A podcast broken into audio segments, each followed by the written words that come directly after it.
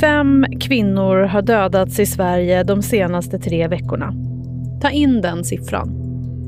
Fem kvinnor har mist livet. Barn har förlorat sina mammor, vänner och familj har förlorat en kär person. Ännu vet vi inte alla omständigheter kring morden, men alla kvinnorna dödades av män. I vissa av fallen vet vi att kvinnan haft någon form av relation till den man som misstänks ha mördat henne. I Sverige så dödas i genomsnitt 16 kvinnor varje år av en närstående man. Den siffran har inte ändrats nämnvärt de senaste 20 åren. Ta in det också.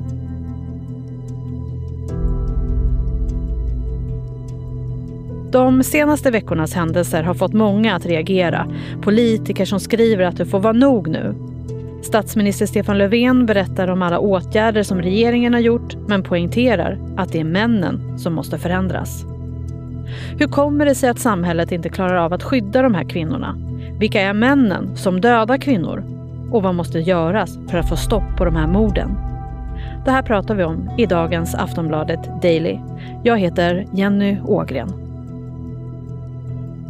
Aftonbladets reporter Kerstin Wergel har under flera års tid kartlagt de kvinnor som dödats av män. Hon är med oss i dagens Daily och får börja med att berätta om känslorna efter de senaste veckornas händelser. Ja, man drar ju lite grann efter andan därför att det är så många misstänkta fall på så kort tid. Ja, eh, så vet jag också av erfarenhet att eh, de här morden ligger på ungefär samma nivå hela 2000-talet. Men det betyder ju också att det kan råka eh, vara så att det, är, att det är eh, många mord och dråp på en kort tid och så i det långa loppet så är det ungefär 16 kvinnor varje år. Det medeltalet ligger på 16, det betyder ju att det kan vara 22 ett år och 8 nästa år. Men eh, sammantaget så minst en kvinna varje månad mördas av en man som hon eh, haft en relation till och eh, i många fall också har barn med. Och, och, du, som sagt, vi, du har bevakat det här under en lång tid och det bara, som du säger, fortsätter år efter år. Det måste ju kännas hopplöst ibland. Vad tror du skulle kunna få till en riktig förändring? Ja, det, det kan ju faktiskt kännas ibland att varför minskar inte de här morden? Samtidigt så så har det gjorts mycket. Nu har jag hårdbevakat den här frågan i 12 år och jag tycker nog att det är mycket som har gjorts. Eh, det politiska intresset är definitivt mycket större. Vi fick ju en ny jämställdhetsminister ganska nyligen och hon nämner då bland sina prioriterade frågor att, eh, att um, inget dödligt våld mot kvinnor i nära relation.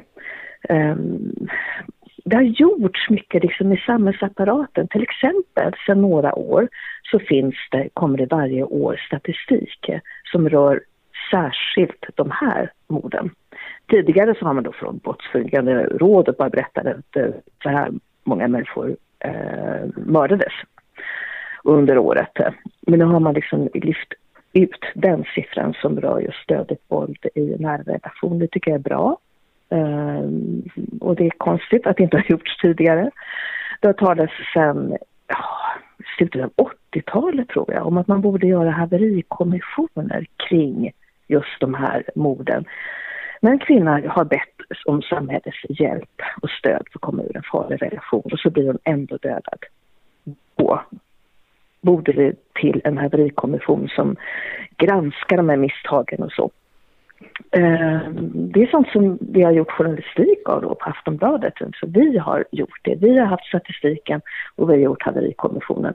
Men för några år på Socialstyrelsen så gör man faktiskt sådana här dödsfallsutredningar och flyttar fram positionerna lite grann. Ehm, ska börja även intervjua anhöriga för att få in det perspektivet och lära sig mer om vad har lett fram till de här brotten. Och det tyder också på att det ändå går framåt. Fotbojor har blivit vanliga på våldsamma män. Alltså i stort och smått så är det små förflyttningar i rätt riktning men det går ju väldigt långsamt. Och varför går det långsamt? Det har jag frågat mig många gånger. Det är som att intresset för den här, den här frågan flammar upp när det har varit kanske ett särskilt upprörande fall eller som det är nu då när det det är så många som har, verkar ha dödats på så kort tid. Och sen när det ändå kommer till kritan så, ja, har verkligen kvinnojourerna fått det stöd som de behöver till exempel? Nej. Det är mycket som hänger i luften och då tvivlar jag ju ändå på den politiska viljan, att den verkligen är så stark. Ja, röster har höjts de senaste dagarna. Centerpartiets Annie Lööf kräver hårdare minimistraff för mäns våld mot kvinnor och Moderaternas Ulf Kristersson kräver också hårdare straff och anser att samhället har misslyckats. Statsminister Stefan Löfven skrev ett långt inlägg på Facebook där han beskrev de åtgärder som regeringen tagit för att komma åt problemet som bland annat satsningar på kvinnojourer, hårdare straff för grova brott och fler utredare som jobbar med just brott i nära relationer. Men statsministern påpekade också att för att det ska kunna bli en ordentlig förändring så behöver männen förändras. Kerstin Weigel håller med. Ja, det är sant. Och det är också Eh, jätteviktigt att få de signalerna från, eh, från politikern att man har en uppmärksamhet på då. Därför att det, med morden i nära relation så är det ju nästan alltid en man som dödar sin fru, även om det förekommer att en kvinna även dödar sin man i en nära relation, får vi inte helt glömma bort det. Eh, men det har talats, och det har talats i alla tider om att kvinnor måste lämna sin eh, relation och kvinnor måste ge fokus på vad kvinnorna måste göra då för att överleva. Och det är verkligen hög tid att man också har fokus på de här männen. Ehm, att det är de som ska begränsas när de har varit våldsamma och visat sig vara farliga. Ehm, vi vet ju att det är en massa kvinnor som lever gömda idag eh, undan en farlig partner. Så det är hon då som måste bryta upp och ta med sig sina barn och byta liv och flytta någon helt annanstans och leva skyddad och kanske med en påhittad livshistoria. Och är det verkligen rimligt? Börjar man nu fråga sig på allvar. Det är den ena sidan av det, männen måste begränsas och den andra är ju att du måste få in den här kunskapen att faktiskt männen i viss mån har sökt hjälp för sitt beteende. Det är inte alls ovanligt att de här männen han dödar, det är för att han inte accepterar att bli lämnad. Eh, och han har ofta då en personlig störning eller annan psykisk ohälsa. Och men det är inte ovanligt att han också har sökt hjälp för det. Men blir liksom inte igenkänd i vården som en potentiellt farlig person. Alltså det är en kille då som skilsmässokrisar, som inte kan sova, som har ont i magen, som har mycket ångest och så går han kanske till vårdcentralen eller företagshälsovården och, och berättar om att han inte står ut med sitt liv och att han har mycket konstiga tankar eller någonting i den stilen kan han säga.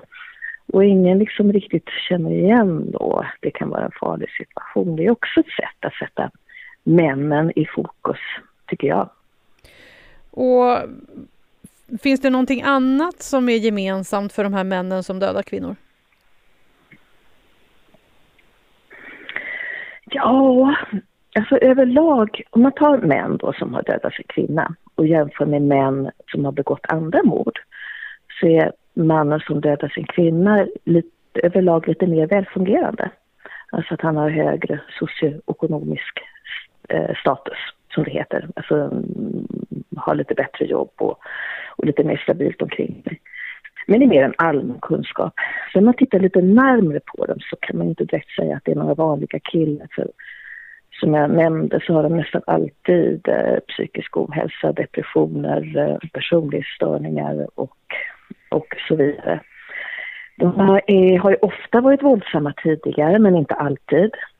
Däremot är de alltid eh, kontrollerande mot sin fru eller flickvän. Det är ett drag som går igen väldigt starkt. Man kan... Eh, det här blir ju väldigt liksom grovt och jag är ju inte psykiater heller har den kompetensen men jag tycker mig känna igen en sorts kontrollerande man då, som blir väldigt eh, våldsam när, eh, när han ska bli lämnad därför att han tycker att han har rätt till den här kvinnan. Man skulle kunna lite slarvigt kalla honom för psykopaten då Eh, väldigt som så eh, vill bestämma och få sitt väg. Men så finns det en annan personlighetstyp som inte jag var lika beredd på men som jag ofta träffar på så att säga när de här mordfallen ska redas ut. Och han är ju väldigt självömkande, självupptagen, väldigt mycket sådär, jag kan inte leva utan dig och, och eh, pratar ganska intensivt om att han vill ta sitt eget liv för att han inte står ut och om hon ska lämna honom. Och, alltså den, den personen eh, hittar jag jätteofta när de här brotten ska redas ut. Och Kerstin, om vi tittar lite på de mord som har skett de här senaste veckorna. Om du jämför lite med hur... De, du har ju kartlagt över 300 mord. Finns det någonting i det här som har hänt de senaste veckorna som sticker ut, tycker du? Det är så svårt att säga nu när vi inte ens har riktigt säkerställt att det är sådana här mord i nära relation. Eh, att det verkligen har funnits en kärleksrelation och så. Det är mycket som är oklart ännu. Ehm, det är, så det vanligaste är ju att kvinnan blir mördad i sitt eget hem.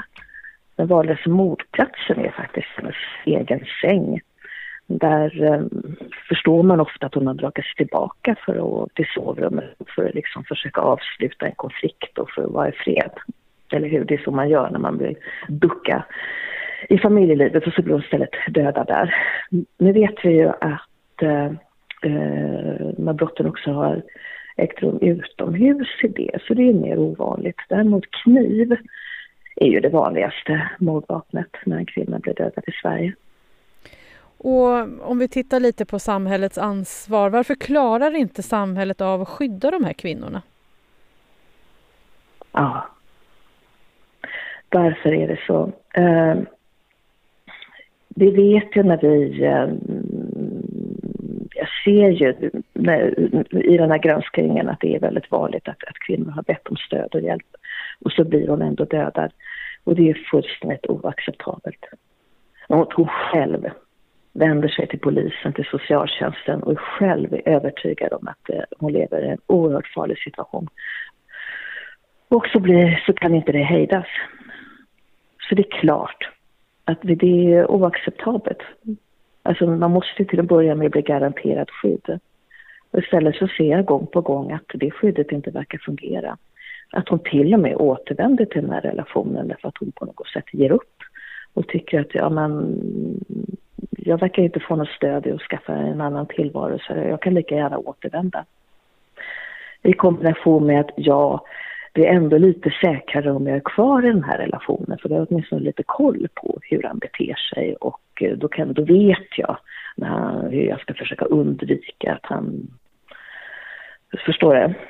Eh, det är en ganska vanlig anledning till att en kvinna blir eh, kvar i en farlig relation. Det är för att hon upplever att det kanske är lite säkrare att hon är kvar. För det är när hon lämnar som det blir farligt på riktigt.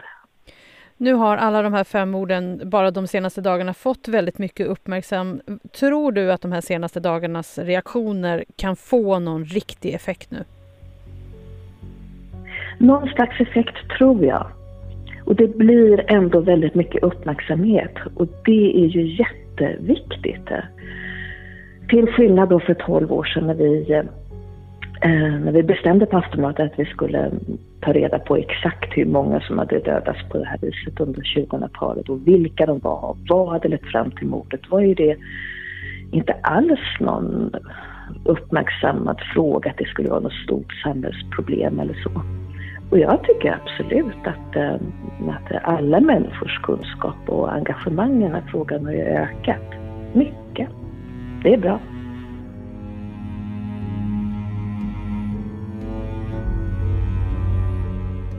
Sist här hörde vi Kerstin Weigel som är reporter på Aftonbladet. Jag heter Jenny Ågren och du har lyssnat på Aftonbladet Daily. Behöver du stöd och hjälp så kan du kontakta Kvinnofridslinjen. Telefonen är öppet dygnet runt, är gratis och syns inte på telefonräkningen. Telefonnumret är 020 50 50 50. 020 50 50 50. Var rädd om dig.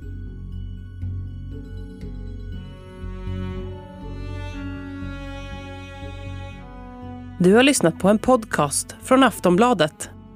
Ansvarig utgivare är Lena K Samuelsson.